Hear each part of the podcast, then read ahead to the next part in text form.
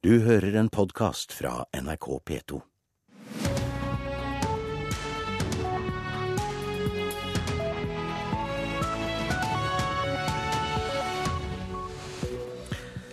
Dermed er vi kommet til torsdag 15. januar. Øystein Heggen ønsker deg velkommen til Nyhetsmorgen med disse overskriftene nå 6.30. Arfan Bhatti ble pågrepet da han kom til Norge i går. Han er limet i det norske islamistmiljøet, sier Josef Asidik i Minotenk. Han er jo en skikkelse som er skummel i, i forhold til å rekruttere andre. Kommune-Norge taler regjeringen midt imot. 90% av de som har svart på en undersøkelse er imot å fjerne boplikten. Rekordmåling for Jonas Gahr Støre. Over halvparten vil ha ham som statsminister. Og Spellemannsprisen har vært arrangert i Stavanger i tre år, men neste år er Oslo utfordrer. Stavangers ordfører Kristine Sagen Helgø vil kjempe for å beholde arrangementet. Jeg mener at eh, Spellemann helt klart er best utenfor Oslo. Vi støtter opp om Spellemann på en helt annen måte enn det Oslo gjør. Arfan Bhatti har vært selve limet i islamistmiljøet i Norge, og derfor er det farlig at han nå er kommet tilbake, sier eksperter. Etter det NRK kjenner til, skal Bhatti ha forsøkt å reise til Norge flere ganger, men er blitt stoppet av pakistanske myndigheter. I går ble Bhatti arrestert, men allerede i dag kan han være ute av arresten, ifølge advokaten hans. Da Bhatti forlot Norge i 2012, etterlot han seg et godt etablert islamistmiljø. Han var veldig viktig, og vi så det når han dro. Så ble det jo et vakuum, og så ting falt litt fra hverandre. Josef Asidik kjente Bhatti godt før han brøt ut av islamistmiljøet i Norge.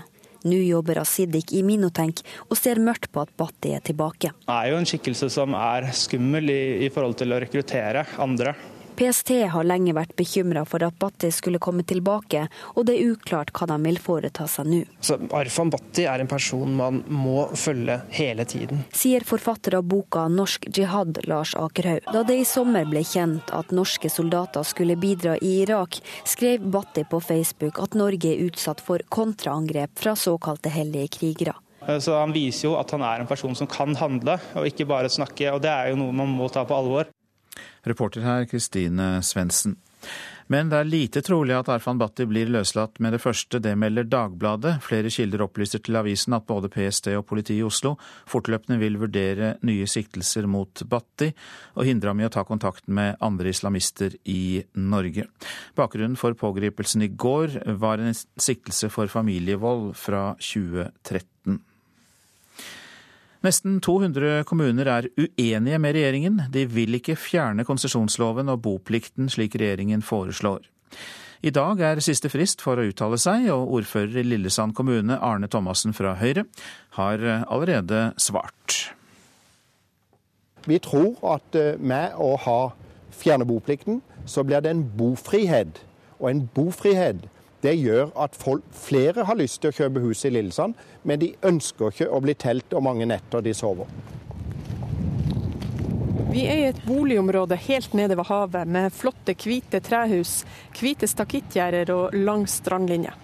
På 80-90-tallet var ordføreren for boplikt. Boplikten for Lillesand sin del den ble innført da Lillesand var i faresonen for å bli en fraflyttingskommune. Men i dag mener han boplikta har utspilt sin rolle. Regelverket som skal gjøre at folk bor i boligen og ikke bruker den som hytte, mener han nå står i veien.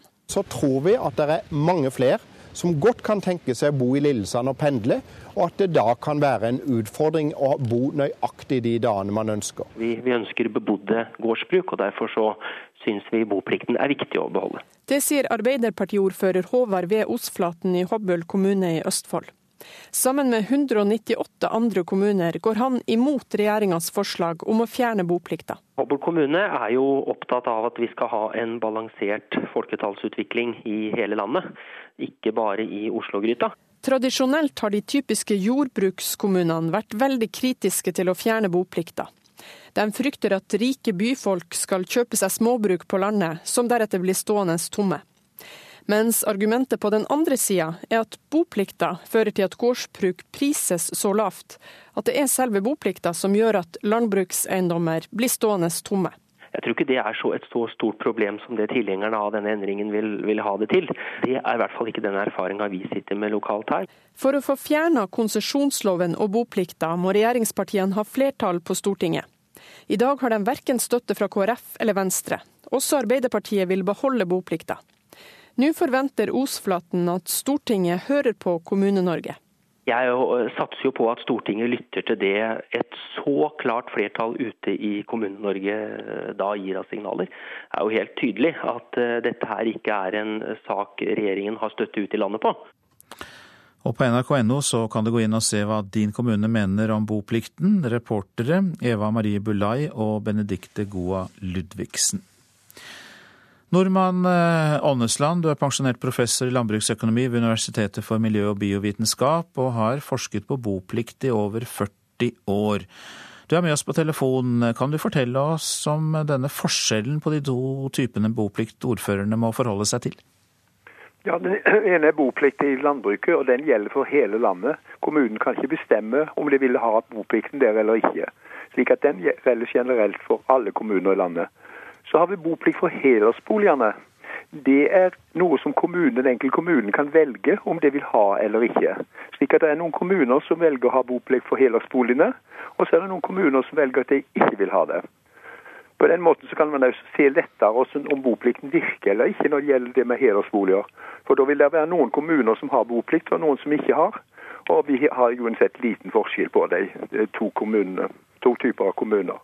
Men i landbruket så har man ikke valgmuligheter for kommunene. Nei, du har jo sett på tilfeller som Lillesand, som vi hørte om. Og om det da er noen forskjell på de som har boplikt eller ikke. Men det var altså ikke så stor forskjell? Nei, det er ikke så stor forskjell. og Det er litt flere måter å unngå boplikten på også. fordi at Man kunne overføre den til noen i familien som egentlig bodde der. Altså Bestemødrene ble sittende ganske lenge med eiendom. Det var en, en virkning av boplikten. Man begynte ikke å selge den til barna eller, eller, andre som fikk problemer. Slik at man gjorde at man ble sittende veldig lenge med eiendommen, og det fikk ikke en omsetning av eiendommene. Har du selv blitt kontaktet av folk som har prøvd å sno seg rundt regelverket? Mange. Ja, Hvordan? jeg kunne ha hjulpet mange på forskjellige måter, når man kjenner liksom de forskjellige tingene å gjøre, og hvordan det skulle tilpasse seg. Ja, men uh, en av metodene er jo da at uh, en annen i familien ja. beholder eiendomsretten. Og som regel bestemor. Mm. Det er veldig godt. Hun lever lengst. nå, nå, hørte vi i innslaget at over 90% av Kommune-Norge vil beholde boplikten. Uh, og hva tror du blir konsekvensene dersom konsesjonsloven ikke fjernes? Du vil se lite. Du vil, vil, jeg tror det har veldig liten betydning du ser ikke den store endringen der. Det kan være For noen spesielle kommuner så kan det være, men når det gjelder boplikten i landbruk, så vil du se veldig liten forskjell på det. Hva er da poenget med å fjerne den?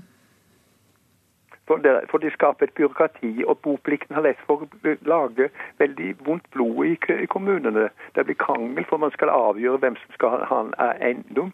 Man kan ikke omsette det fritt, og da blir det litt sånn som under krigen når man drev med svartebørshandel. Det blir, man bruke personer som er, står som eier, som egentlig ikke er eieren.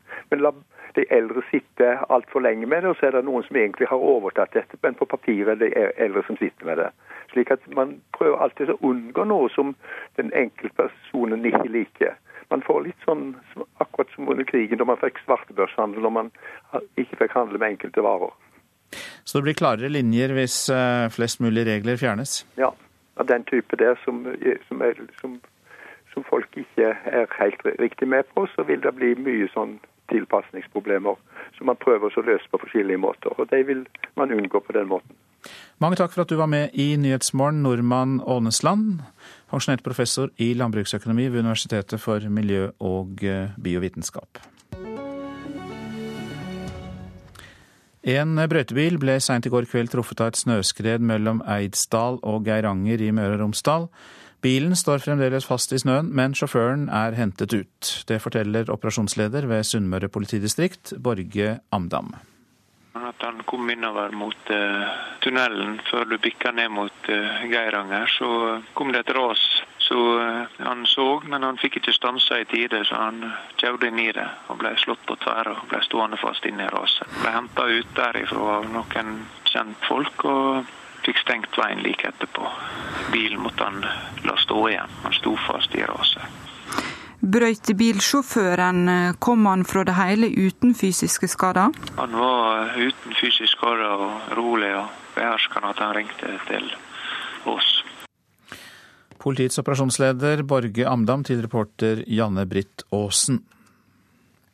Alle innbyggerne i Lørenskog kommune i Akershus må koke vannet. Årsaken er at det har vært en større vannlekkasje i kommunen i natt. Vannlekkasjen er stanset, men inntil det er tatt vannprøver, må drøyt 35 000 innbyggere koke vannet. Så til det avisene har på sin dagsorden i dag.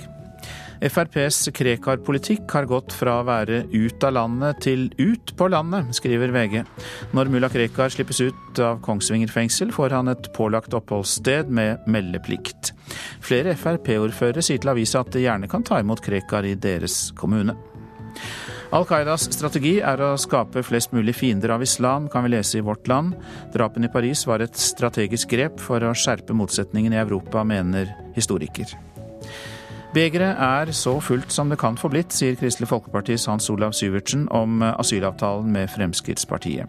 KrF mener justisminister Anders Anundsen underminerer avtalen med støttepartiene, og vil ha svar på om det er justisministerens verk alene, eller om hele regjeringen står bak, skriver Dagsavisen. Oljesmell for hotellene i Stavanger, for der står seks av ti rom tomme, kan vi lese i Dagens Næringsliv. Bunnen falt ut av hotellmarkedet etter oljemessen i Stavanger i fjor høst. Krisa styrker oljenæringen, sier Senterpartiets Ola Borten Moe til Klassekampen. Den tidligere olje- og energiministeren sier at eh, lavere pris gir hele næringen en ekstremt sterk dytt til å jobbe mer effektivt. Tid er viktigere enn penger, sier pendlere til Bergensavisen. Når rushtidsavgiften blir innført, vil de fortsatt ta bilen, for buss har de ikke tid til.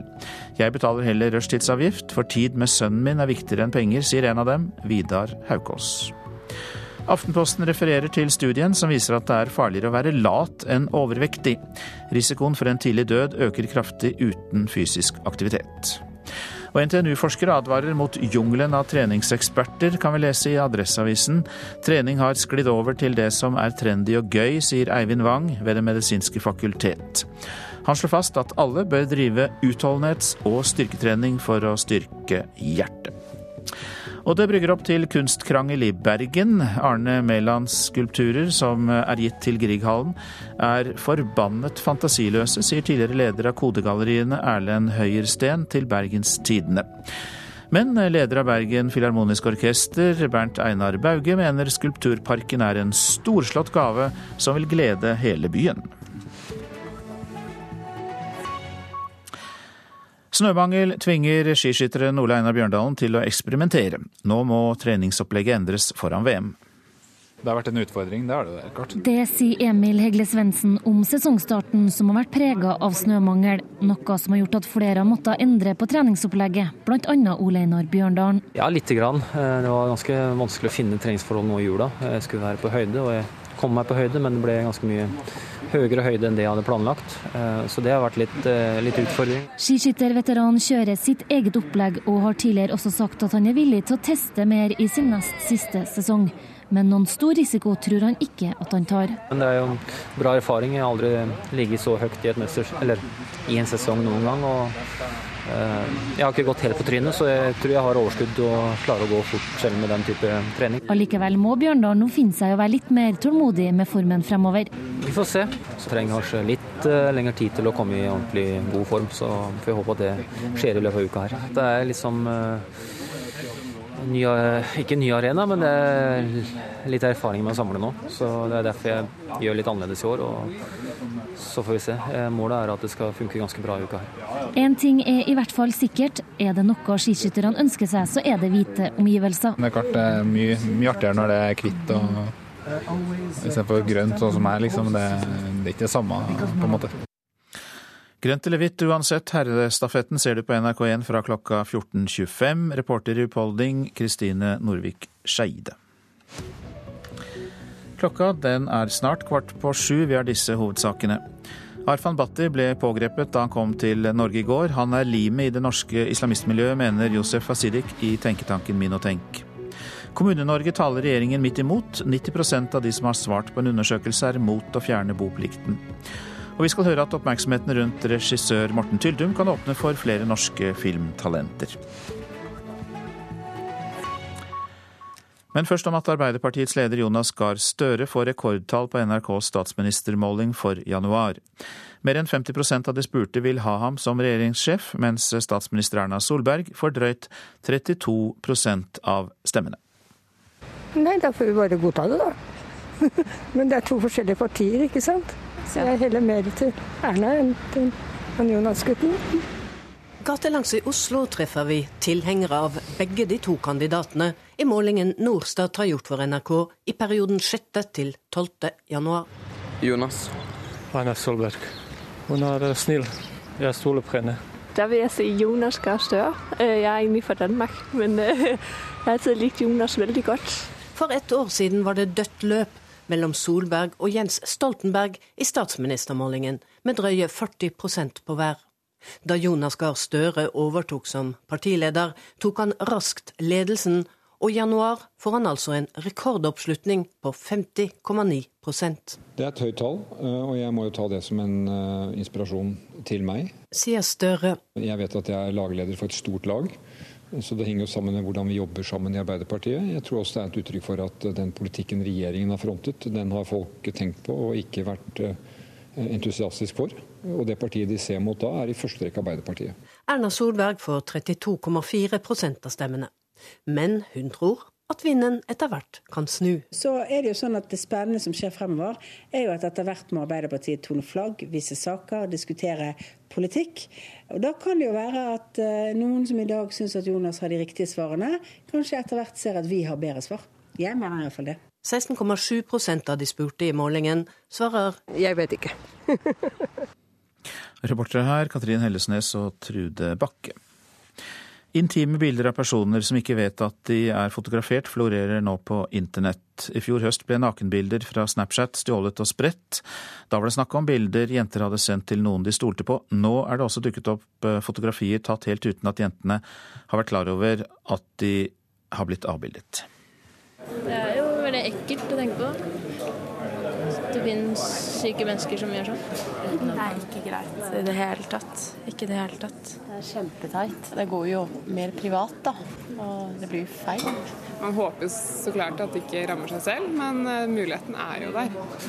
Tanken på at noen fotograferer dem uten at de sjøl er klar over det, for så å dele bildene på nett, er skremmende for studentene på Høgskolen i Gjøvik. Men dessverre er det mange som oppdager at intimbilder av dem sjøl dukker opp på diverse nettsider, uten at de var klar over at de i det hele tatt hadde blitt fotografert. Bildene omtales på nett som såkalte creepshots. Creepshots er eh, bilder som er tatt av personen, og at personen ikke vet at bildene er tatt. Altså de tas i skjul. Eh, og de er gjerne seksualiserte. Det vil Si at det er bilder som er tatt oppunder skjørtet, eller når du ligger og soler deg. Og det er altså bilder du ikke vet tas. Det forklarer Hans Marius Tessem, som leder slettmeg.no, ei nettside som bistår personer som føler seg krenka på nett. Eh, vi får jevnlig henvendelser fra folk som eh, er blitt avbilda uten at de vet at det er blitt avbilda, og at det er lagt ut på nett. Og det er mange nettsider som er dedikert til nettopp denne type bilder. Og vi ser at det er et stort omfang av sånne type bilder på nett. På offentlige steder som treningsstudioer, kafeer, skoler og på stranda knipser de anonyme fotografene uvitende jenter og kvinner som igjen deles på nettsteder som bl.a. Reddit. Studentene Tom Skjellerud og Anne Aslesen frykter dette i verste fall kan føre til at noen blir engstelige for å gå ut. Ja, det er jo absolutt en god ting, med tanke på at det fjerner på en måte en form for frihet. slik at Det blir jo en form for at folk føler seg innestengt. Da, på en måte, at Det er liksom frykten for å ikke bare da å gå hjem sent på kvelden, men også gå ut midt på dagen kan også bli et problem. Mm. Ja, eller at man føler at man nesten må dekke seg til på stranden og ha liksom på seg singleter kanskje og sånne ting som man ellers ikke gjør. Eh, vi må ikke komme dit at folk eh, må slutte å sole seg fordi at eh, man kan risikere å bli avbilda. De har jo ikke gjort noe gærent, og heller ikke noe ulovlig. Så vi må først begynne på å ta de som gjør noe ulovlig her. Det er de som må, må tas i de sakene her. Å ta intimbilder av uvitende personer i offentligheten er et brudd på både åndsverksloven og straffeloven. Men hos slettmeg.no har de erfart at det er få av disse sakene som ender med en straffeforfølgelse. Det vi dessverre ser, er at, eh, at eh, sånne saker ofte ikke etterforskes godt nok av ressurshensyn. Og Det er jo det vanskelige i de her sakene. Men en ting som jeg helt klart oppfordrer folk til å gjøre, det er at hvis noen ser at noen tar et sånt bilde, så vær så snill å ta kontakt med dem, og i hvert fall si fra til den som blir avbilda. Det vil jo være litt pinlig hvis du blir tatt på fersken i å ta et sånt bilde, i hvert fall. Og det kan jo ha en preventiv eh, effekt. Men studentene på Gjøvik mener denne typen fotografering må slås hardere ned på hvis man skal få bukt med problemet. Kanskje strengere straff på de som faktisk driver med sånt. Burde jo få noen konsekvenser. Eller sånn hvis man gjør det mot noen som ikke vil det. Eller også som ikke er klar over at de blir tatt bilde av. Denne reportasjen var laget av Monica Rikhold. Dersom Morten Tyldum får Oscar-nominasjoner for filmen The Imitation Game, er det en fjær i hatten for hele den norske filmbransjen. Ja, det mener Asle Vatn, som produserte Tyldums film 'Hodejegerne'. Mange norske filmtalenter fikk sitt gjennombrudd i fjor, og oppmerksomheten rundt Morten Tyldum kommer til å være en døråpner for enda flere, tror Vatn. Let's start at the beginning. Nei, Nå er jeg jo veldig spent. Jeg har jo jobbet med Morten på Hodejegerne, som også Morten selv er enig i på mange måter var en døråpner for han. This is Roger Brown, corporate headhunter. Jeg kjenner jo nå at jeg har en litt sånn personlig interesse i at uh, dette går veien. Hva som skjer med Imitation Game på Oscar, da. Det er jo det store høydepunktet. Everyone thinks Enigma is unbreakable. Let me try, and we'll know for sure. Morten Tyldums Imitation Game bør bli Oscar-nominert i ettermiddag, mener Asle Vatn. Styrelederen i Produsentforeningen kjenner Tyldum godt fra tidligere samarbeid. Morten er uh, ekstrem i sin dedikasjon og at han klarer å beholde seg sjøl i det og fortelle de historiene han selv er, er, engasjert i. og Det er det som imponerer meg aller mest med å jobbe med Morten. Oppmerksomheten rundt Tyldum kan være en døråpner for norske filmarbeidere i utlandet, mener Vatn, i tillegg til andre norske suksesser den siste tida. Aksel Hennie skal, eller er, i Hollywood i øyeblikket og skal jobbe med Ridley Scott. Eva Sørø vet jeg er i ferd med å lande et prosjekt med Katrina Sita Jones i hovedrollen. Kristoffer Huvjo har vært i Game of Thrones. Det setter jo et fokus på det norske og norske talenter og norsk innhold på en helt ny måte. Asle Vatten tør egentlig ikke å gjette på antallet Oscar-nominasjoner Morten Tyllums film får i dag. Men skulle jeg gjøre en kvalifisert gjetting, så vil jeg tippe seks.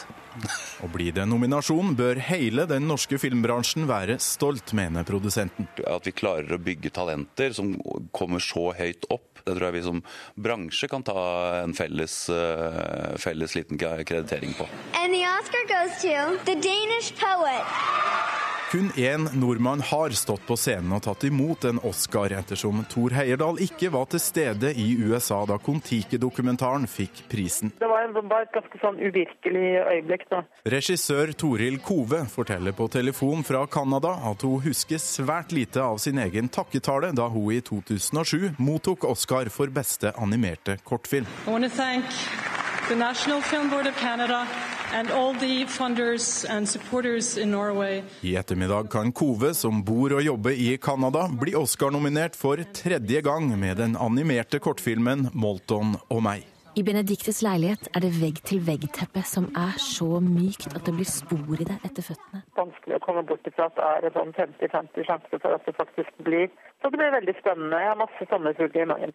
Ja, det hadde den håpefulle regissør Toril Kove, og eh, reporter var Torkil Torsvik. Lørdag arrangeres Spellemannprisen i Stavangers konserthus for tredje gang, men eh, før musikkbransjen skal feire seg selv neste gang, skal det forhandles om hvor showet skal foregå, og hvilken TV-kanal som skal overføre prisutdelingen. Og blir det opp til NRK, så skal Spellemannshowet ikke tilbake til Oslo. Produsent for Spellemannshowet, Dag Varing, er igjen på plass i Stavanger konserthus. Nå driver de og bærer inn eh, alle tonnene som skal inn. og Vi er jo veldig fornøyd. Altså, vi er jo faktisk fornøyd på alle områder her. Hjertelig velkommen til Stavanger og Spellemannprisen. Her er CLMD. Lørdag sendes prisutdelingen fra Stavanger for tredje år på rad. Det kan bli siste gang, for nå går avtalen ut, sier direktør i Konserthuset Per Harald Nilsson. Vi har jo egentlig en langsiktig avtale som er tre pluss tre år, og det som skal skje nå er at vi skal forhandle de neste tre årene. Så det er et, eh, et skillepunkt, men erfaringene så langt er kjempepositive, og vi ønsker å fortsette. All reis for Ole Paus! NRK har sendt showene fra Stavanger, men også NRKs avtale med Spellemann utløper nå. Jeg sier kvelertak! Først etter helgens show starter forhandlingene om sendekanal og sendested for neste år, sier styreleder i Spellemann Marte Thorsby. Hva vi gjør neste år, det er en prosess som vi setter i gang så fort Spellemann for i år er over. Har Stavanger en fordel, siden man nå har vært der i noen år? Ja, nå vet vi jo hvordan Stavanger fungerer, og det har jo fungert veldig veldig fint de årene vi har vært der. Men hva som skjer fremover, det har vi altså ikke landet. Er det aktuelt å komme tilbake til Oslo? Alt er aktuelt. Alle, alle på en måte ark er blanke. Jeg tror det er første gang mine damer og herrer, at vi har produsert graffiti på direkten i den klassiske salen her i Konserthuset i Stavanger. Men NRK vil ikke ha Spellemannsshow i Oslo, sier eksternsjef Petter Wallas. Eh, nå er Oslo den byen som har eh, flest eh, steder hvor, hvor for, som passer for den type sendinger. Men det har vært viktig for oss å være til stede ute i Norge. Og hvis vi skal gå videre med Spellemann, så er det helt klart at vi vil primært se etter en mulighet utenfor Oslo-gryta. Verken nye Forum Expo i Stavanger, Konserthuset Kilden i Kristiansand eller Grieghallen i Bergen har planer om framstøt overfor Spellemann, for NRK opplyst. Men det nyåpna konserthuset Stormen i Bodø vil ta kontakt, sier styreleder Morten Jakkelen. Vi har jo alltid lyst til å få nasjonale oppgaver hit i Bodø. Og skal Stavanger beholde Spellemann også de neste årene, er det ikke minst et spørsmål om penger, sier konserthusdirektør Per Harald Nilsson. Ja, Vi har jo bygget dette på et samarbeid med næringslivet, så det er jo betydelig bidrag fra næringslivet i Stavanger. Men at det er andre rundt omkring i landet som gjerne vil ha dette arrangementet, det må vi jo regne med. Espeland var Anette Johansen Espeland var altså reporter i Stavanger. Så til eh, værvarselet. Fjellet i eh, Sør-Norge. Sørøstlig liten storm utsatte steder. Utover ettermiddagen minkende vind. Først uh, i sør. Snø, men lite nedbør lengst i nord. Østlandet og Telemark stiv kuling på kysten, seinere sterk kuling. I kveld dreiende sørvestlig på kysten og litt minkende vind. Snø og sludd, seinere regn i lavlandet sør for Gardermoen. Agder sørlig sterk kuling på kysten, kortvarig liten storm vest for Oksøy. Regn, snø over 200 meter og lokalt mye nedbør.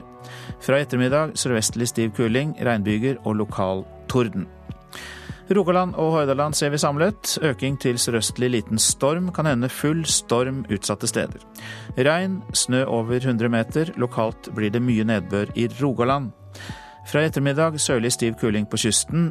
Regnbyger, snøbyger over 300 meter og utrygt for torden. Sogn og Fjordane får øking til sørøstlig sterk kuling utsatte steder. Det blir regn, snø over 100 meter. Fra seint i ettermiddag sørlig stiv kuling på kysten. Regnbyger og snøbyger da over 200 meter og utrygt for torden. Møre og Romsdal sørvestlig stiv kuling på kysten, stort sett opphold. Fra i formiddag sørøstlig sterk kuling. Og i kveld liten kuling. Det blir litt regn i Møre og Romsdal, snø over 100 meter. Fra seint i ettermiddag stort sett opphold. Trøndelag liten, sørlig liten kuling utsatte steder. Fra i ettermiddag sørøstlig sterk kuling utsatte steder og stort sett oppholdsvær. I kveld liten kuling i Trøndelag, litt sludd eller snø. Nordland sørlig liten kuling utsatte steder. På kysten av Helgeland og i Lofoten enkelte sluddbyger. Ellers delvis skyet oppholdsvær. I ettermiddag økende sørøstlig vind fra Bodø og sørover. Periodevis sterk kuling. Og etter hvert litt snø sør i fylket. Troms delvis skyet oppholdsvær, kort og godt. Finnmark utsatte steder, periodevis liten kuling. I ettermiddag minkende i vest. Delvis skyet oppholdsvær. Og enkelt og greit på Nordensjøland på Spitsbergen lettskyet vær. Temperaturer klokka fire. Svalbard minus 11, Kirkenes minus 12, Varde minus 7, Alta minus 9, Tromsø minus 4, Bodø minus 2. Trondheim-Værnes pluss 2, Molde 1, Bergen og Stavanger 4, Kristiansand 5. Gardermoen minus 2, Lillehammer minus 8, Røros minus 15 og Oslo-Blindern hadde minus 2 grader, og det var altså klokka fire i natt.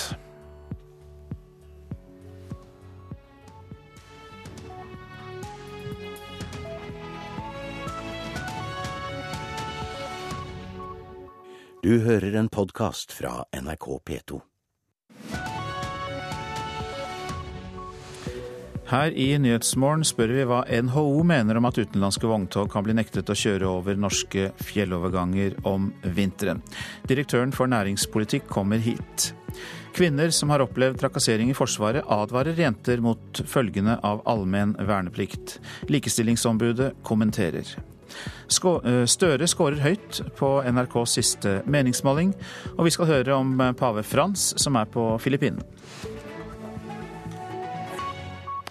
Men aller først mer om det vi hørte i Dagsnytt, at eksperter mener Arfan Bhatti har vært selve limet i islamistmiljøet i Norge. Etter det NRK kjenner til, skal Bhatti ha forsøkt å reise til Norge flere ganger, men har blitt stoppet av pakistanske myndigheter. I går ble Bhatti arrestert, men allerede i dag kan han være ute av arresten. Er det riktig at Norge deltar i terror mot profet Summa? Er det riktig? Nei! Er det riktig? Nei! Arfan Bhatti kjenner stil foran Stortinget i 2012. Da han ett år senere forsvant fra Norge, etterlot han seg et godt etablert islamistmiljø. Han var veldig viktig, og vi så det når han dro. Så ble det jo et vakuum, altså ting falt litt fra hverandre. Josef Asidik kjente Bhatti godt før han brøt ut av islamistmiljøet i Norge. Nå jobber Asidik i Minotenk og ser mørkt på at Bhatti er tilbake. Han var den karismatiske lederen, den som alle hørte på, og som alle lytta til og som alle så opp mot. Så han er jo en skikkelse som er skummel i, i forhold til å rekruttere andre. Hvis sikkerhet er kjært for dere, kjære nordmenn. Så Arfan Bhatti er en person man må følge hele tiden. Sier forfatter av boka 'Norsk jihad', Lars Akerhaug. Han bygger det på at Bhatti er dømt for medvirkning til skuddene på en synagoge i Oslo, hans kontakter og personlighet. Så det er mange grunner til at de følger tett med på hva han gjør. De tør ikke å gjøre noe annet. Bhatti er sikta for familievold og ble arrestert da han landa i Norge i går.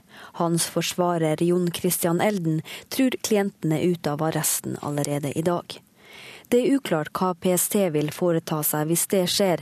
Sikkerhetstjenesten har lenge vært bekymra for at Bhatti skulle komme tilbake, men vil ikke kommentere saken nå. Ja, det blir viktig å følge med på hva han sier og gjør sier Shoaib Sultan i Antirasistisk Senter, som kjenner islamistmiljøet godt. Ønsker han å gå inn i en annen type rolle og gjøre noe annet, så, så, er det bra. Eh, gjør han ikke det, så får det sikkert konsekvenser. Da det i sommer ble kjent at norske soldater skulle bidra i Irak, skrev Bhatti på Facebook at Norge er utsatt for kontraangrep fra såkalte hellige krigere. Josef Asidik sier PST må følge svært nøye med på Batti.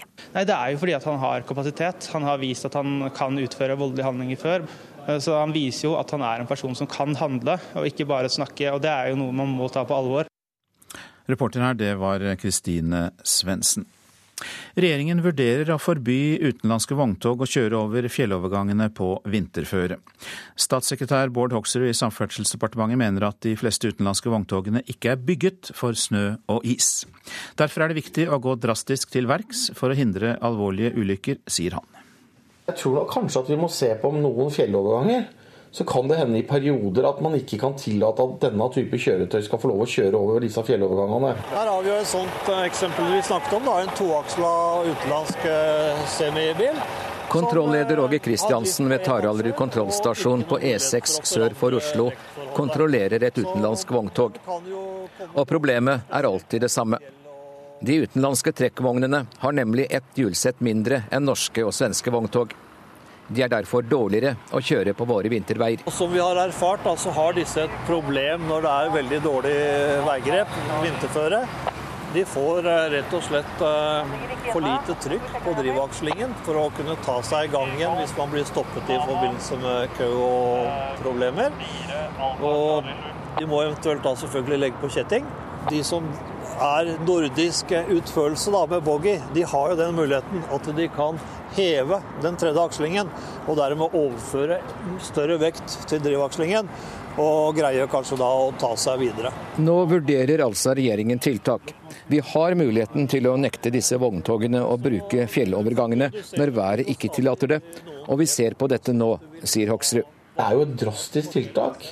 Eh, men det er også drastisk eh, og kan få store konsekvenser hvis man lar disse vogntogene få lov å kjøre og det skulle skje en ulykke. Endelig. Det sier distriktsleder i UP i Nordland, Knut Danielsen. Dette har vi diskutert over mange år. og Hvis nå departementet snur seg og får eh, en ikrafttredelse på dette, så, så ønsker jeg det hjertelig velkommen. NHO frykter at utenlandske vogntog skal slutte å kjøre i Norge, og at et kjøreforbud vil hindre den frie konkurransen. Mens UPs mann i nord er mest opptatt av trafikksikkerheten. Det er et veldig godt trafikksikkerhetstiltak å forby disse kjøretøyene på visse strekninger til visse tider i året. Og reportere her Hans Jørgen Solli og Kjartan Røslett. Ja, trekkvogner på norske vogntog har altså alltid tre hjulakslinger. De fleste utenlandske har bare to. Tre gir bedre feste. Det lærte vi her. Erling Sæther, god morgen. God morgen, ja. Du er direktør for næringspolitikk i NHO Logistikk og Transport. Og vi hørte vår reporter nevne her at dere er skeptiske? Ja, er skept, vi er skeptiske fordi eh, vi tror det kanskje kan være et proteksjonistisk tiltak. Det kan hindre den frie konkurransen. Og det kan medføre dyrere transport for næringsliv og handel og industri. Ja, Men fri konkurranse kan jo ikke stå i veien for mer sikkerhet? Nei, det er riktig. Eh, og vi er også opptatt av trafikksikkerhet, selvsagt. Eh, men det er slik at, som det sies her, at de aller fleste utenlandske vogntog de har to aksler på en europatralle.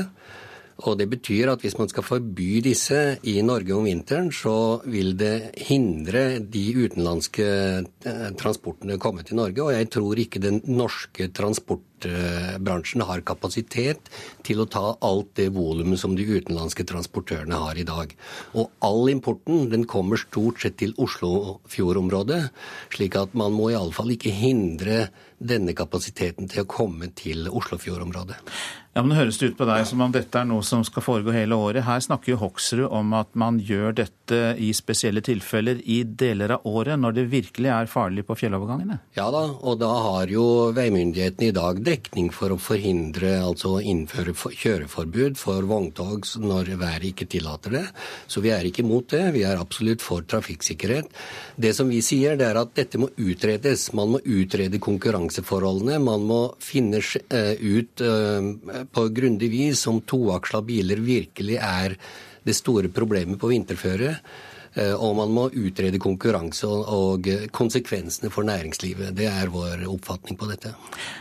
Men vi hørte jo her i innslaget at folk fra utrykningspolitiet og eh, Vegvesenet var ganske sikre på at dette med to akslinger gjør at det ikke får godt nok veigrep. Som det ble sagt her, for lite trykk på drivakslingen, for å bruke et teknisk uttrykk. Eh, så trenger man å utrede det noe mer, da? Ja, men vi må ha en utredning på hvor, hvor, eh, historisk sett hvor store konsekvenser har dette hatt eh, når det gjelder toaksla biler. Vi er enig i det at i mange tilfeller så kan toaksla biler på en, en, et vinterføre av verste sort medføre problemer. Og da har myndighetene mulighet til å innføre kjøreforbud slik som reglene er i dag. Men hvem ville da merke det mest, da, eh, ut ifra NHOs vurdering, dersom eh, utenlandske vogntog blir tatt ut av trafikken i, i kortere perioder på vinteren? Ja, Det er jo først og fremst transportkundene. Eh, det betyr at utenlandske biler må investere i annen type bil, og det tviler jeg på at de kommer til å gjøre. Og det betyr at det blir et mye mindre marked og mye mindre konkurranse. Prisene kommer til å øke for næringsliv, handel og industri i Norge. Takk skal du ha, Erling Sæther, direktør for næringspolitikk i NHO, logistikk og transport. Kvinner med mange års erfaring fra Forsvaret er kritiske til innføring av allmenn verneplikt og advarer unge jenter mot eh, Forsvaret. Så seint som i 2010 tok to kvinner sluttpakke fra Forsvaret etter trakassering, og det skjedde høyt oppe i Forsvarets ledelse. Og de fraråder unge jenter å avtjene den allmenne verneplikten som ble innført i år. Personlig så hadde jeg nok eh, valgt muligheten til å nekte tjeneste. I 2010 tok denne kvinnas sluttpakke i Forsvaret med diagnosen posttraumatisk stressyndrom. Den diagnosen kom ikke etter tøff tjeneste i Afghanistan, men etter sextrakassering høyt opp i ledelsen i Forsvaret. Psykologen ved Nasjonal militærmedisinsk poliklinikk skrev. Bildet som avtegner seg er at hun har vært utsatt for trakassering fra to sjefer. Dette har gått hardt inn på henne, og synes å være en vesentlig årsak til de plager hun har i dag. Hun sliter med ettervirkningene etter disse erfaringene. Diagnostisk sett er dette vurdert som posttraumatisk stressyndrom. Så hva garantier kan forsvarssjefen nå gi unge jenter som skal inn og avtjene verneplikt? Vi jobber hardt med å styrke vår interne etikk. Og vi slår ned på alt som er av trakassering eller uakseptabel atferd. Men selv med forsikring om nulltoleranse ser også forsvarssjefen at det tar tid å endre en mannsdominert organisasjon som Forsvaret. Vi har en kultur som er opparbeidet gjennom hundre av år, og den tar det tid å endre. Vi jobber nå med å se på det regelverket vi har, om vi trenger å forbedre og trenger å tilpasse det, så vi er sikre på at på de områdene hvor regelverket kan gi en forbedring, at vi gjør det beste vi kan også på det området. Det sa forsvarssjef eh, Håkon Brun Hansen. Og vi legger til at Offisersforbundet har nulltoleranse mot uønsket seksuell oppmerksomhet. Reporter Bjørn Atle Gjellestad. Likestillings- og diskrimineringsombud Sunniva Ørstavik, velkommen til Nyhetsmorgen. Takk. Flere kvinner har jo da, som vi hørte, sluttet i Forsvaret pga. trakassering. Hvordan reagerer du på det du hører? Historier som denne er jo eh, opprørende og uakseptable på enhver arbeidsplass. Og det er jo åpenbart at Forsvaret har eh, utfordringer når det gjelder både trakassering og likestilling generelt. Nå er det altså 30 000 unge kvinner på, eh, som får eh, sesjonsbrev, eh, altså de på 18 år. Og det kan bli flere kvinner enn noen gang i det militære. Hva er ditt inntrykk av om Forsvaret er forberedt?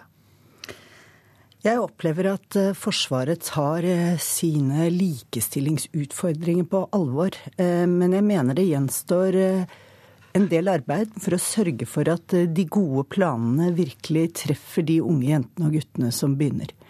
Derfor er det veldig viktig at forsvarssjefen er på banen og er helt tydelig på at den ukulturen vil han endre.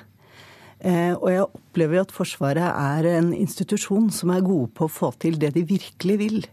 Eh, og vil de gjøre Forsvaret til en likestilt arbeidsplass og bekjempe trakassering, så får de det til. Spør de deg om hjelp? Ja, det gjør de heldigvis, og vi er i god dialog. Eh, jeg tror at eh, vi skal få til mye sammen. Men det er også viktig at ledelsen går ut nå og sier til unge jenter og gutter i Norge at vi tar dette på høyeste alvor, og at nulltoleranse betyr at det får sanksjoner hvis man gjør hvis man trakasserer i Forsvaret. Hva mener du da om dette prinsippet, at verneplikten virkelig har blitt allmenn og gjelder begge kjønn? Jeg er glad for at vi endelig har fått et regelverk som er ikke-diskriminerende og tar den likestillingen på alvor og sier at både jenter og gutter, kvinner og menn kan forsvare landet vårt. Eh, Forsvaret er et sted og en arbeidsplass som gir store muligheter, og jeg er glad for at de mulighetene er like for kvinner og menn. Eh, men dette gjør jo også at Forsvaret mer enn noen gang må ta dette likestillingsarbeidet på høyeste alvor og løfte det fra litt lenger nede i skuffen og opp på høyeste oppmerksomhet. Du sier at eh, forsvarsledelsen eh, i hvert fall har de rette intensjoner om å eh, rette opp dette og få til eh, reell likestilling i eh, Forsvaret. Og du sier også at du er blitt kontaktet. Men eh, gi oss en smørbrødliste da, over hva de bør sette i verk av tiltak, i tillegg til det du har nevnt. Den største utfordringen til Forsvaret er organisasjonskulturen. Forsvarets eget forskningsinstitutt har sagt at det hersker en ukultur i Forsvaret. Smørbrødlista for å jobbe med den ukulturen, den har Forsvaret selv. Men det krever at ledelsen iverksetter den og sørger for at hver eneste en i dette leddet kan dette arbeidet og tar det på alvor. Takk skal du ha, likestillings- og diskrimineringsombud Sunniva Ørstavik. Og som vi nevnte, så har altså Norges offisersforbund ikke ønsket å stille til intervju, men sier de har nulltoleranse og støtter medlemmer som er blitt utsatt for mobbing og seksuell trakassering. Klokka den er snart 7.18. Vi har disse hovedsakene i Nyhetsmorgen. Arfan Bhatti ble pågrepet da han kom til Norge i går. Han er limet i det norske islamistmiljøet, mener Josef Asidik i tenketanken Mino Tenk. Utenlandske vogntog kan bli nektet å kjøre over norske fjelloverganger om vinteren fordi de ikke er bygd for eh, glatt føre og snø. NHO er skeptisk. Og det er eh, rekordmåling for Jonas Gahr Støre. Over halvparten av de spurte vil ha ham som statsminister.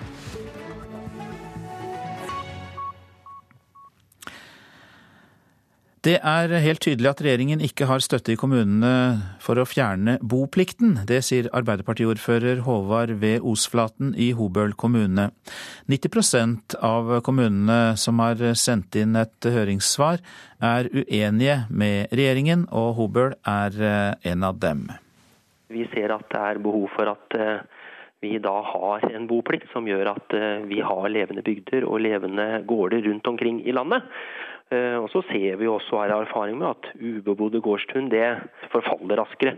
Det at folk ikke bor der, men har kjøpt opp og bruker det som landsted og fritidseiendom, det er ikke noe vi ønsker i kulturlandskapet vårt. Vi, vi ønsker bebodde gårdsbruk, og derfor så syns vi boplikten er viktig å beholde.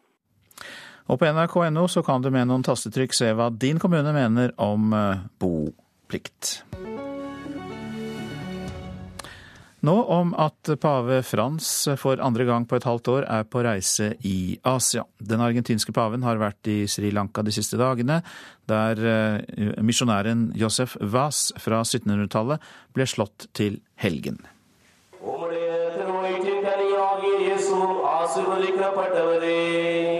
Nærmere én million mennesker var til stede på stranden ved Colombo i går, da den indiskfødte misjonæren Josef Vaz som måtte kle seg ut som tigger for ikke å bli forfulgt som kristen, ble kanonisert. Paven fremholdt katolisismen som en samlende faktor på den sterkt splittede øya.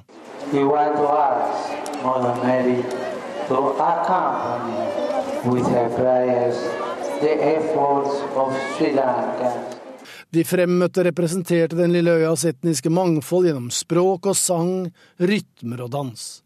Hans hellighet er 78 år og virket sliten i den stekende solen, mens han velsignet syke og svake i rullestol foran podiet og oppfordret singaleser og tamiler til forsoning. From both Tamil and Sinhalese community to rebuild the unity which was lost. En viktig post på programmet i Sri Lanka var et besøk i en liten kirke i nærheten av frontlinjen i den mangeårige og blodige borgerkrigen på øya, som tok slutt for fem år siden. Myndighetene i Sri Lanka løslot 600 fanger, særlig eldre med korte straffer, som en gest til den hellige gjest. Og det var Joar Ho Larsen som rapporterte. Og så spiller vi ballen videre til eh, vår Asia-korrespondent Peter Svaar. For eh, pavens neste stopp er jo Filippinene med 80 millioner eh, katolikker. Og fortell oss mer om hvorfor det er en så stor begivenhet når en pave kommer til Manila. Ja, 80% av Filippinenes 100 millioner mennesker er jo katolikker. Kirken har en svært stor plass, kanskje større enn noe annet sted i eh, filippinernes eh, liv og sivilsamfunn. Og Myndighetene har erklært de fem dagene besøket skal vare nå som offentlige helligdager i hele hovedstadsområdet. Det er både for at flest mulig skal ha mulighet til å oppleve dette besøket, men også rett og slett for å få trafikken til å gå. Det kan trengs, for det er ventet opptil seks millioner deltakere når paven skal holde utendørsmesse i eh, Manila på søndag. Eh, og dette skjer altså mens Vatikanet i stadig større grad ser østover mot Asia for å vokse og finne nye troende. Det er andre gang på ganske kort tid at eh, pave Frans er på besøk her i Asia. Ja, og ved tidligere besøk så har begeistringen vært så stor at folkemassen i seg selv kunne utgjøre en trussel. Hvordan stiller det seg med sikkerhetstiltak nå? Ja, Det er såpass at filippinske myndigheter ved dette som tidligere besøk har planene klare for å redde paven ut med helikopter. Menneskemengdene er ventet å bli så store at det kan bli utrygt å ferdes med bil. Det har skjedd tidligere, at hele bilkortesjen har blitt sittende bom fast i folkehavet. og Det er kanskje ikke så vanskelig å tenke seg at fem eller seks millioner mennesker fort kan bli en utfordring å krysse gjennom. Kan det også tenkes at paven har noen fiender eh, i Manila? Ja, dette besøket er en enorm sikkerhetsutfordring. Det har vært eh, to attentatforsøk mot besøkende paver på Filippinene tidligere. De forsøkene var svært nære på å lykkes. I 1995 ble pave Johannes Paul 2. forsøkt drept av den pakistanske islamisten Ramzi Josef. Det var bare flaks at politiet kom på sporet den gang og fikk stanset planen om en selvmordsbomber utkledd som prest. Og i 1970 var det også nære på at paven, eh, da paven ble angrepet med øks på flyplassen i Manila. Så det er 40 000 politifolk som skal være ute i gatene nå.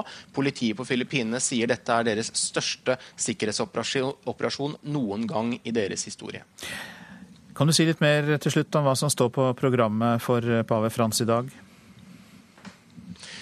Ja, Han lander om eh, vel tre timer, og i dag er det mest eh, velkomst og seremoni på programmet. og Det er det også i Manila i morgen. Lørdag skal han til Takloban og møte overlevende etter tyfonen Yolanda, som herjet for litt over et år siden.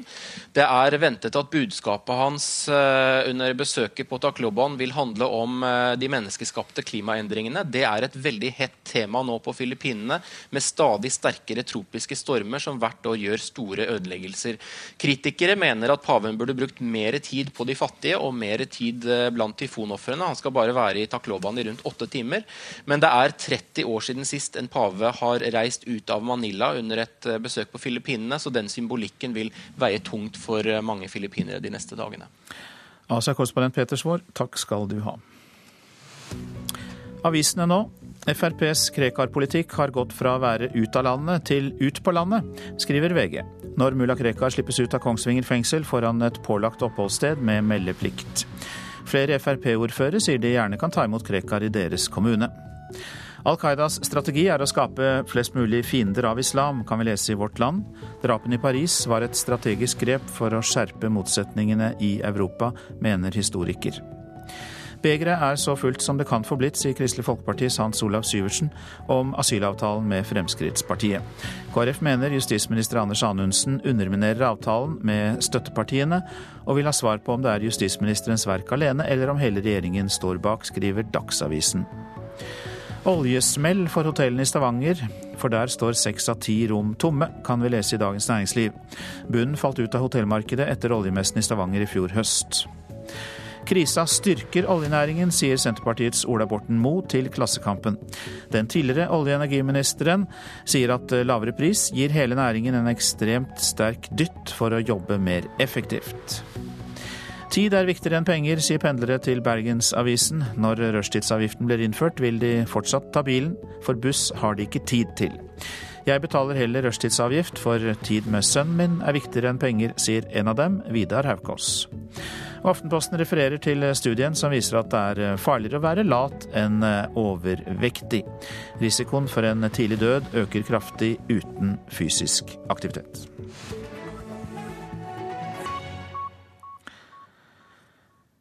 Du eh, er ei pyse. Nei, du er ei pyse. Disse linjene er ikke hentet fra skolegården, men fra det britiske parlamentet. Der beskyldes eh, statsministeren for å være feig fordi han ikke vil stille i politisk debatt foran høstens valg.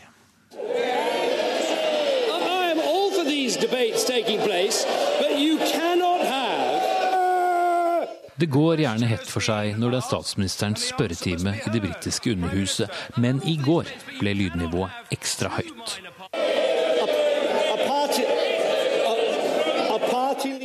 Statsminister David Cameron har nemlig sagt at han ikke vil møte lederne for Labour, Liberaldemokratene og UKIP i TV-sendt debatt dersom ikke også det femte største partiet, nemlig De Grønne, får være med. Lederen for det britiske arbeiderpartiet Labour, Ed Miliband, kalte det en unnskyldning, ja, en patetisk sådan. His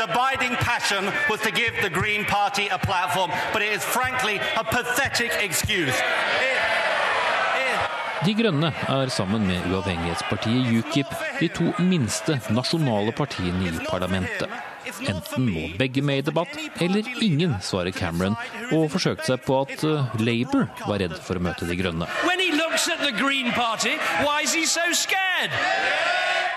Hvorpå Miliband måtte spørre hvem det nå egentlig var som var redd.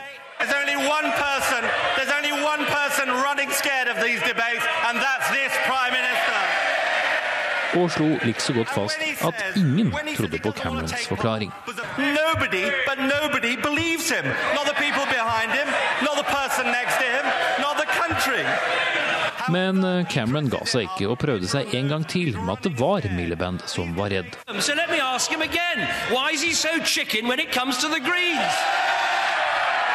og fikk et sitat fra avdøde Margaret Thatcher tilbake.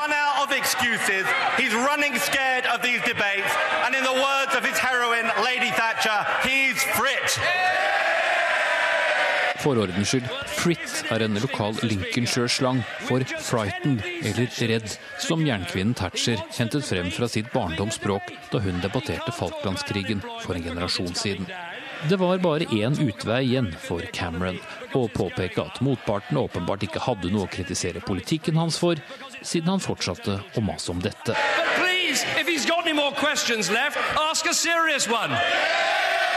Jo da, men det skal ikke stikkes under verken en stol eller en parlamentsplass at det kan være viktig å ta en debatt om, vel, en debatt også. I alle fall ut fra engasjementet å dømme. Espen Aas, London. Du lytter til Nyhetsmorgen, produsent i dag Ingvild Ryssdal, her i studio Øystein Heggen. I reportasjen etter Dagsnytt kan du høre at mange amerikanske soldater og deres familier sletter Facebook-profilene sine av frykt for at islamistiske hackere skal misbruke personlig informasjon.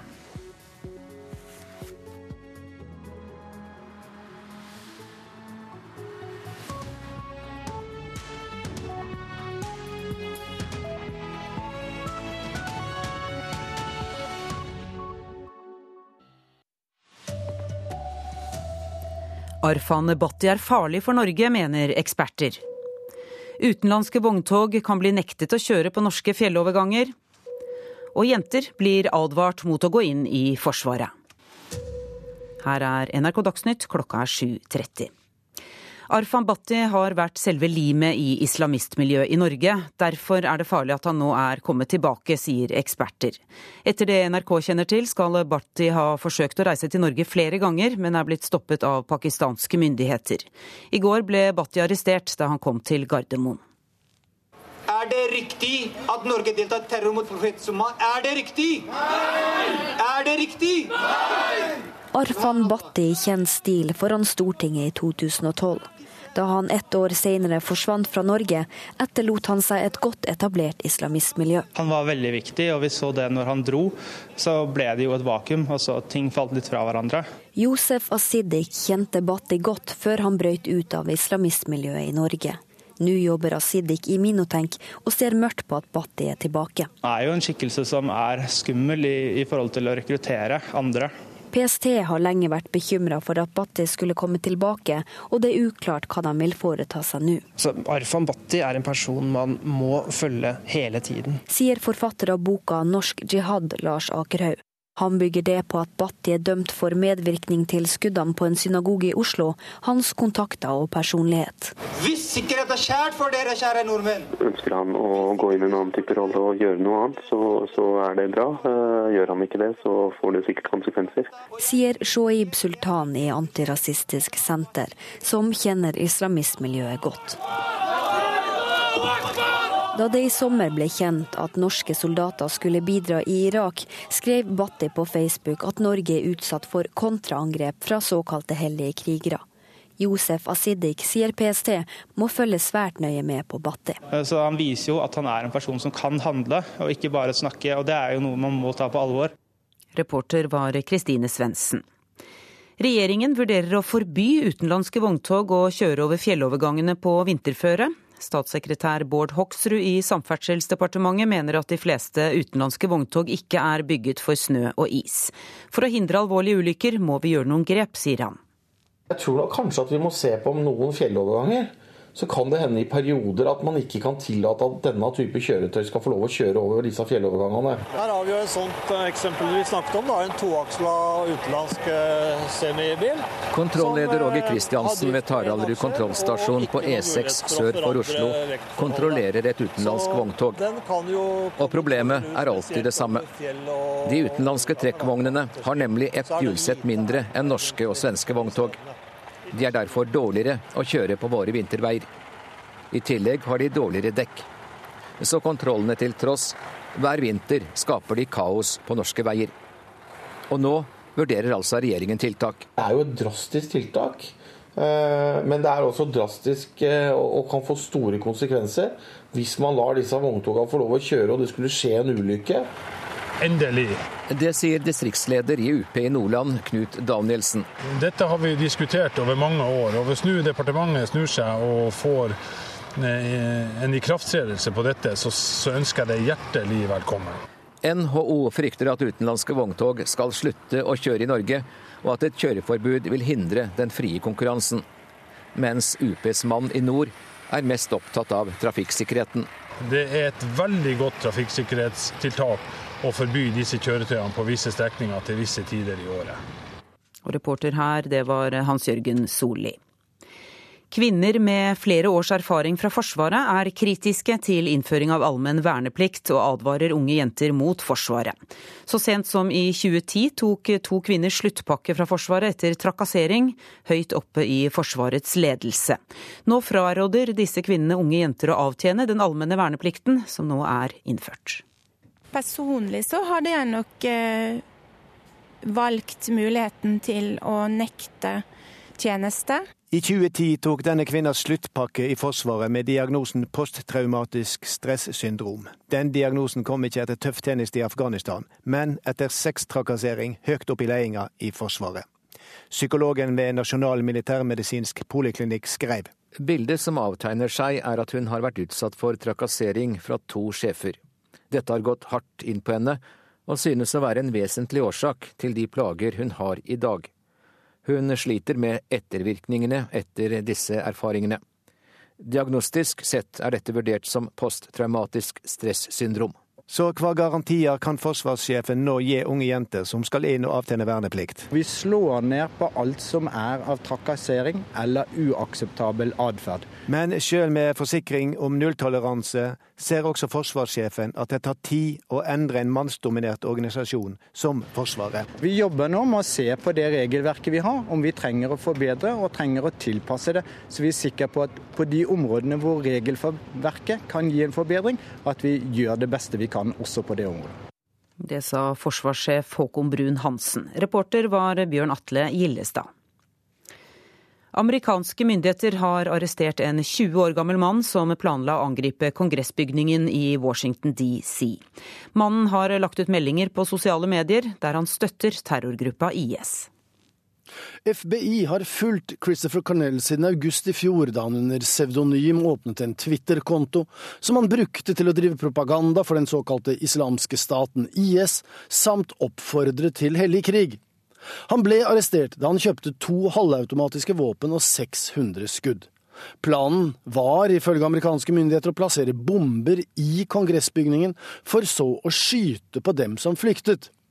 Den arresterte skal ha fortalt om sine planer til en som angivelig sympatiserte med ham, men som altså viste seg å være en agent i det føderale politiet. Avsløringen av Cornells planer nå anses som svært viktig i USA etter det som skjedde i Paris i forrige uke. Det sa reporter Joar Hoel Larsen. Vi skal hjem igjen og til nesten 200 kommuner som er uenige med regjeringen. Kommunene vil ikke fjerne konsesjonsloven og boplikten slik regjeringen foreslår. I dag er det siste frist for kommunene å si hva de mener. Ordfører i Lillesand kommune, Arne Thomassen fra Høyre, har allerede svart. Og en bofrihet det gjør at folk, flere har lyst til å kjøpe hus i Lillesand, men de ønsker ikke å bli telt og mange netter de sover.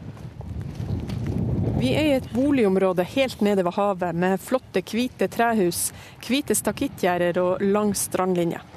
På 80-90-tallet var ordføreren for boplikt. Boplikten for Lillesand sin del den ble innført da Lillesand var eh, i faresonen for å bli en fraflyttingskommune. Men i dag mener han boplikta har utspilt sin rolle. Så tror vi at det er mange flere som godt kan tenke seg å bo i Lillesand og pendle, og at det da kan være en utfordring å bo nøyaktig de dagene man ønsker. Vi, vi ønsker bebodde gårdsbruk, og derfor så syns vi boplikten er viktig å beholde. Det sier Arbeiderpartiordfører Håvard V. Osflaten i Hobøl kommune i Østfold. Sammen med 198 andre kommuner går han imot regjeringas forslag om å fjerne boplikta. Jeg satser jo på at Stortinget lytter til det et så klart flertall ute i Kommune-Norge eh, da gir av signaler. Det er jo helt tydelig at eh, dette her ikke er en sak regjeringen har støtte ut i landet på. Reportere var Eva Marie Bulai og Benedikte Goa Ludvigsen. Og på nrk.no kan du gå inn og se hva din kommune mener om boplikt. Arbeiderpartiets leder Jonas Gahr Støre får rekordtall på NRKs statsministermåling for januar. Mer enn 50% av de spurte vil ha Støre som regjeringssjef. Statsminister Erna Solberg får drøyt 32% av stemmene. Så jeg heller mer til Erna enn til Jonas-gutten. Gatelangs i Oslo treffer vi tilhengere av begge de to kandidatene i målingen Norstat har gjort for NRK i perioden 6. til 12. januar. Jonas. Erna Solberg. Hun er snill. Jeg stoler på henne. For ett år siden var det dødt løp mellom Solberg og Jens Stoltenberg i statsministermålingen, med drøye 40% på hver. Da Jonas Gahr Støre overtok som partileder, tok han raskt ledelsen, og i januar får han altså en rekordoppslutning på 50,9 det er et høyt tall, eh, og jeg må jo ta det som en eh, inspirasjon til meg. Jeg vet at jeg er lagleder for et stort lag. Statsminister Erna Solberg får 32,4% Men det er jo fortsatt eh, gode målinger. 16,7% av de spurte i målingen svarer Jeg vet ikke. Reportere var Katrin Hellesnes og Trude Bakke. Og dette er også tema i Politisk kvarter på P2 nå klokka 7.45. Ansvarlig for sendingene denne morgenen er Anne Skårseth, teknisk ansvarlig Beate Haugtrø, og her i studio nå Kari Ørstavik. Nyhetsmorgen fortsetter i USA. Der sletter mange soldater og deres familier Facebook-profilene sine i frykt for hva hackere fra IS og andre grupper kan bruke personlig informasjon om dem til. På mandag ble Twitter-kontoen til den militære sentralkommandoen i USA hacket av noen som la ut IS-propaganda. USA-korrespondent Tove Bjørgaas har laget denne reportasjen. Lately, so many spouses that I know are actually scared that they could be targets of ISIS or someone who sympathizes with ISIS. I det siste har jeg snakket med mange andre militærfamilier som er redde for at de skal bli terrormål for IS, skriver kona til en soldat i de amerikanske spesialstyrkene til CNN. De siste dagene er hun en av flere som har slettet bilder av barna, opplysninger om hvor familien bor og mye annen informasjon fra sosiale medier. Mange militære familier forteller CNN at de har slettet hele Facebook-profiler. For på mandag ble denne propagandavideoen for IS lagt ut på YouTube-kontoen til sentralkommandoen for det amerikanske forsvaret. Også Twitter-kontoen til Sentcom ble hacket.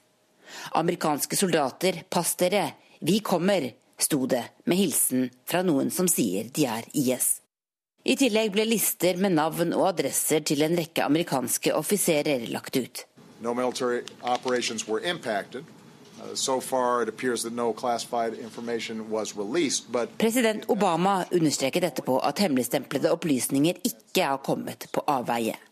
Men JD Sherry, som er ekspert på nettsikkerhet i selskapet Trend Micro i Silicon Valley, mener angrepet kan ha gjort større skade enn Obama tror. It's very concerning no matter what uh, when these types of incidents happen because they can result in sec- secondary infections and other challenging attack vectors that we maybe not even aware of at this point in time. Det er svært bekymringsfullt når slike hackerangrep skjer.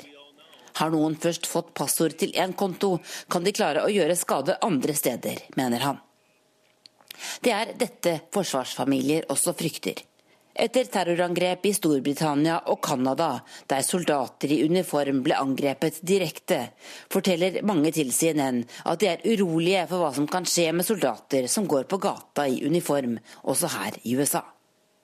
Men Dakota Meyer, En høyt dekorert Afghanistan-veteran er ikke redd. You know, terrorism wins and it feeds off of when you start changing your way of life and start living in fear. And that, that's what these people want. They're cowards. They're, they're, they're, they're cowards that prey on the weak and soft targets. And Terroristene vinner dersom vi begynner å leve i frykt.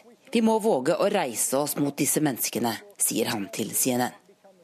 I går la Meyer ut et bilde av seg selv på Twitter og skrev hvilken by i Kentucky han bor i. Og på Facebook skrev han at han godt kan påta seg å være kontaktperson for det amerikanske forsvaret dersom IS ønsker å angripe. Let's, let's. I mean. President Obama sier han forstår at folk er urolige.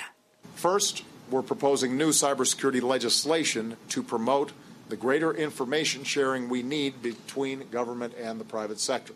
Nå ønsker han lovgivning som pålegger private selskaper å samarbeide og utveksle informasjon med myndighetene for å hindre flere cyberangrep.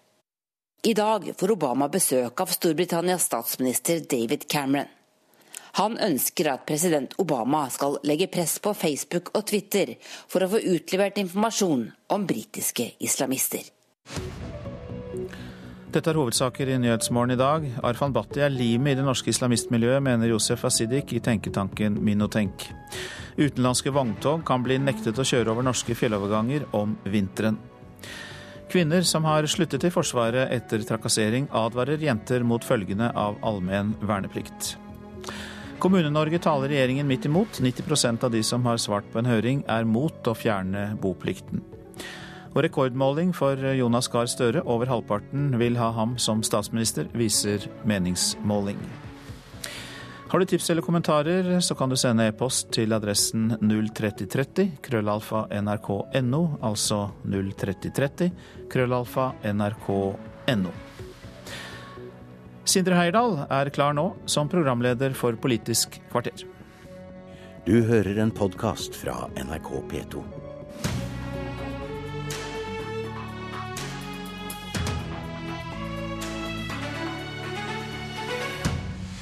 Mer eller mindre i lønningsposen vår, nå som fallende oljepriser skyller innover Norge. Vi tar tempen på lønnsoppgjøret i Politisk kvarter. Og over halve folket ønsker seg Jonas Gahr Støre som statsminister.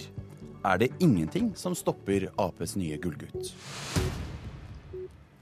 Ja, Vi begynner altså med vårens lønnsoppgjør, som kan bli mer spennende enn på mange år. Bakteppet er over halverte oljepriser, en svekket krone og bl.a. det SSB venter blir den høyeste inflasjonen på minst 13 år. Og velkommen, Vibeke Hammer Madsen. Er du villig til å fullt ut kompensere arbeidstakerne for det som ventelig blir en veldig høy prisstigning i år? Det ville være å, å si, bryte med en fornuftig linje. Det blir helt feil. Vi må nå se hvor vi står. Og vi går imot en tøffere, urolig situasjon, og da har vi lært tidligere. For nå ser det jo ut til at den historiske, gode økonomiske utviklingen vi har hatt, at den nå er over, for en, iallfall for en periode. Og det må vi som parter i arbeidslivet ta inn over oss, fordi at vi trenger en bærekraftig, god økonomisk politikk i Norge. Og da betyr det at vi må ha et moderat lønnsoppgjør, slik at vi sikrer arbeidsplasser fremover. Og Du er altså administrerende direktør i Virke, men mener du også at motparten, arbeidstakerne, må godta reallønnsnedgang i årene som kommer? Jeg vil nok, eh, altså Man må være forberedt på at det blir som jeg sier, moderate oppgjør, oppgjør men at det blir en reallønnsnedgang, det eh, vil jeg nok ikke si. Men at man nærmer seg et null, det tror jeg absolutt at man må innstille seg på. Og dette har man jo lært over tid, at når tingene eh, blir tøffere både i Norge og utenfor Norge, ja, så eh, strammer vi til eh, forbruket vårt, og da går det utover ikke minst innenfor eh, handel og tjenester, eksport-import. Og det må vi som parter ta inn over oss. Unio-leder Anders Folkestad, på vegne av 320 000 medlemmer, vil du godta at prisstigningen spiser opp lønnsøkningene vår, til våren og også senere år? Eh, nå er ikke det så uvanlig at vi fra arbeidsgiversida hører krav om eh, nulloppgjør i, eh, i, januar. Det kommer igjen også i, i gode tider. Nå, som du sa, prisvekstprognosen er nå på 2,5-2,6. Det, det, er jo et av de forholdene vi ser på, men det er jo ikke automatisk slik at en justerer opp kravene fordi om prisprognosene er slik. Eh, og jeg tror at eh, arbeidstakere generelt må innstille seg på at reallønnsveksten blir svakere i år enn det har vært de tidligere åra. Men det er ikke slik at eh, tariffoppgjørene og lønnsoppgjørene skal avblåses. Og jeg tror at arbeidsgiverne må være litt varsomme nå, sånn at det ikke blir skapt pessimisme, unødig pessimisme i norsk arbeids- og næringsliv.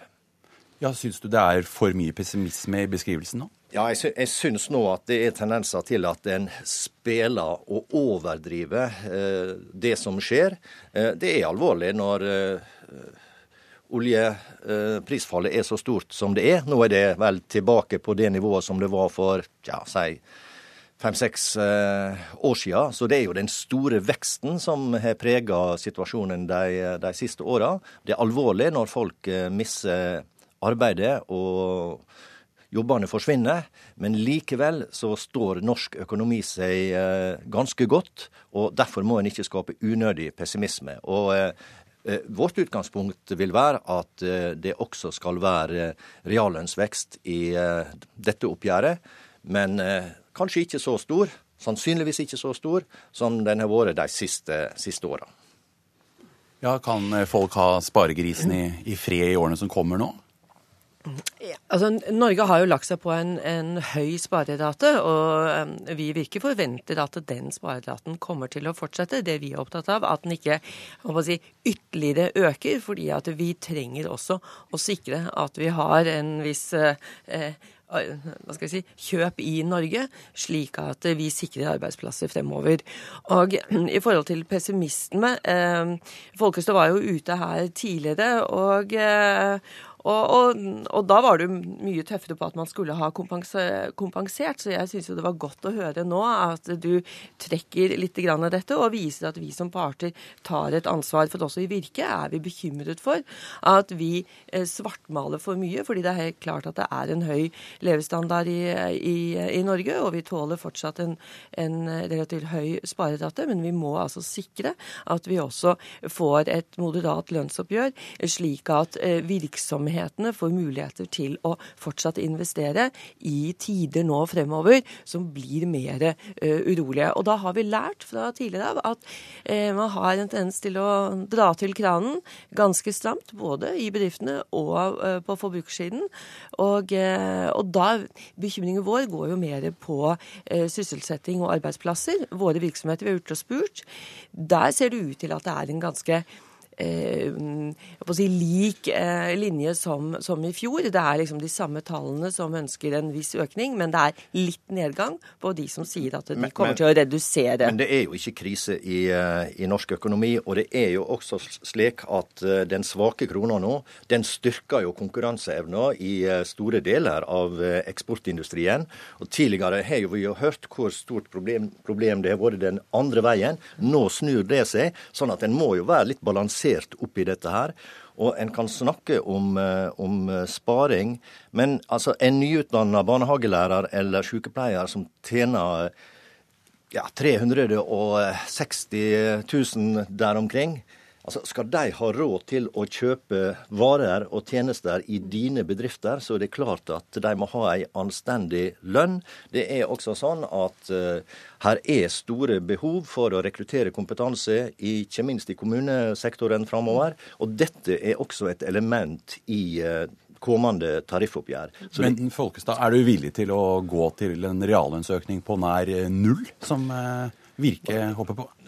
Ja, Jeg skjønner at Virke håper på det, og det er et vanlig krav fra arbeidsgiverne på denne tida av året. Vi er ikke kommet så langt i våre prosesser at vi kan tallfeste krav. Men som jeg sa, vårt utgangspunkt er at det er nødvendig med reallønnsvekst eh, også i dette oppgjøret her. For ellers vil eh, medvirke til at økonomien stagnerer, og ikke minst vil det ramme Virke sine, sine bedrifter. Så det må være en balanse i dette her. Vi må ta inn over oss alle sammen at her er mørke skyer på den økonomiske himmelen, men det er ikke sånn at uh, alt stopper opp. Madsen, kan det bli et ekstra tøft oppgjør i år? Det siste er vi iallfall enige at det er eh, Vi ønsker heller ikke å Altså det er ikke en krise i, i norsk økonomi. Det deler vi. Men utsiktene er slik at vi må vise moderasjon. Og det er nå vi kan vise moderasjon, fordi at jeg opplever at eh, også Unio nå viser altså en, et stort ansvar. Og da tror jeg at partene i, eh, i, dette oppgjøret vil ta det ansvaret og sikre at vi får en god økonomisk eh, politikk også eh, for fremtiden, og ikke minst sikre arbeidsplassene, for det er det vi snakker om. Og da er vi tilbake at vi må ha et moderat oppgjør, som jeg sier, og at vi eh, ja, vi må At eksport Vi må nok videre nå. her vil være verdiskaping i, eh, i norsk nærings- og arbeidsliv også i de kommende åra og de kommende åra. Og selvsagt skal ha, arbeidstakerne ha sin del av dette. Derfor blir det ikke et nulloppgjør heller i eh, 2015. Vi får se. Det blir spennende å følge lønnsoppgjøret. Takk til Vibeke Madsen fra Virke og Anders Folkestad fra Unio.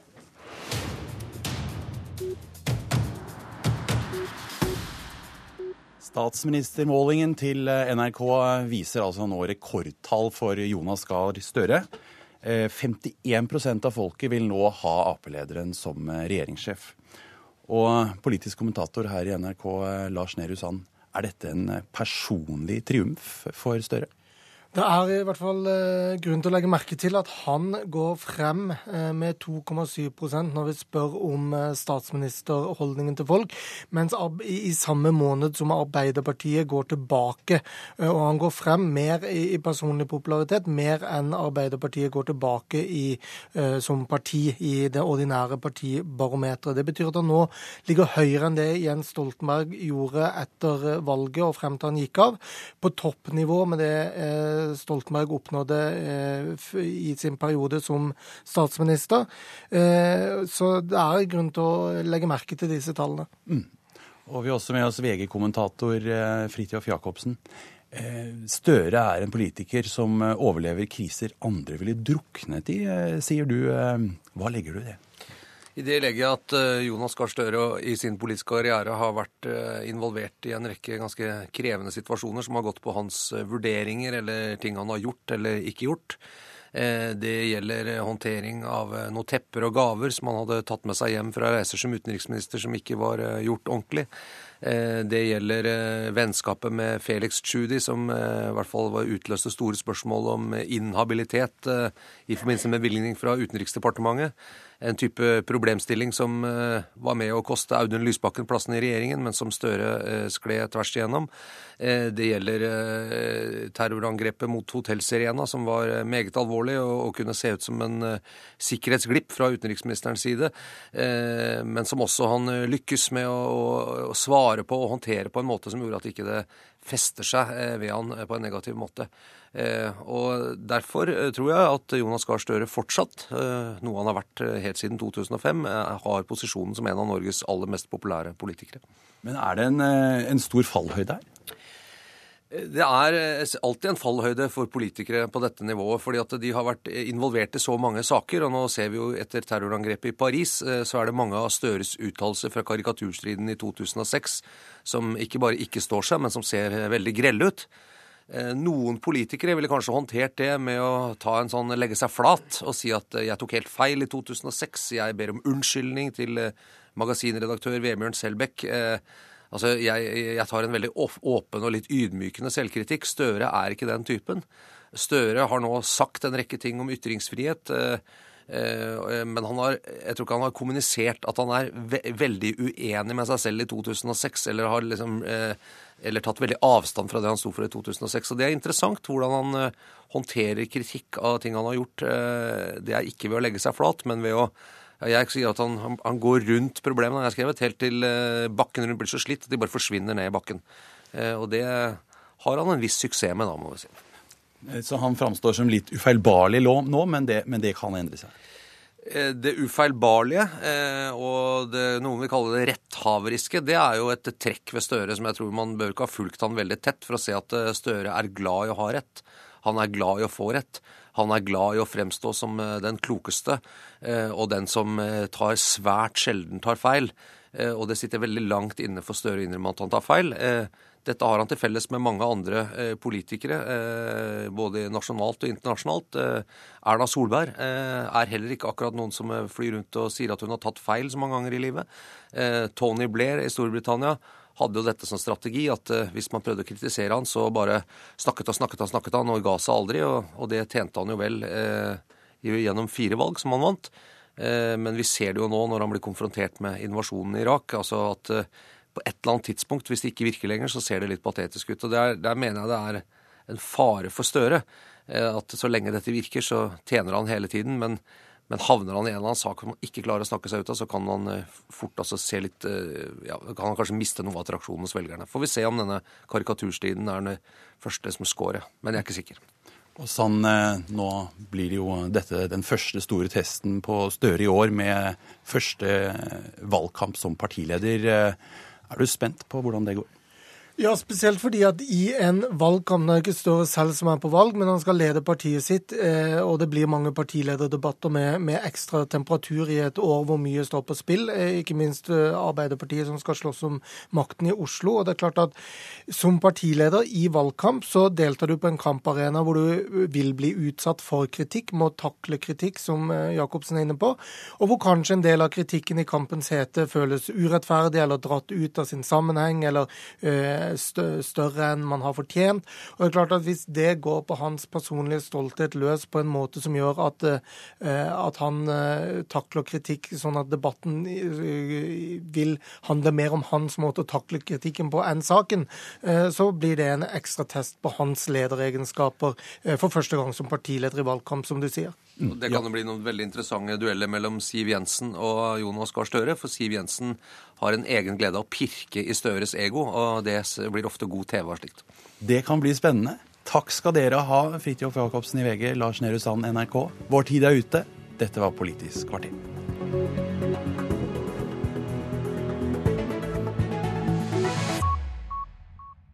Du har hørt en podkast fra NRK P2.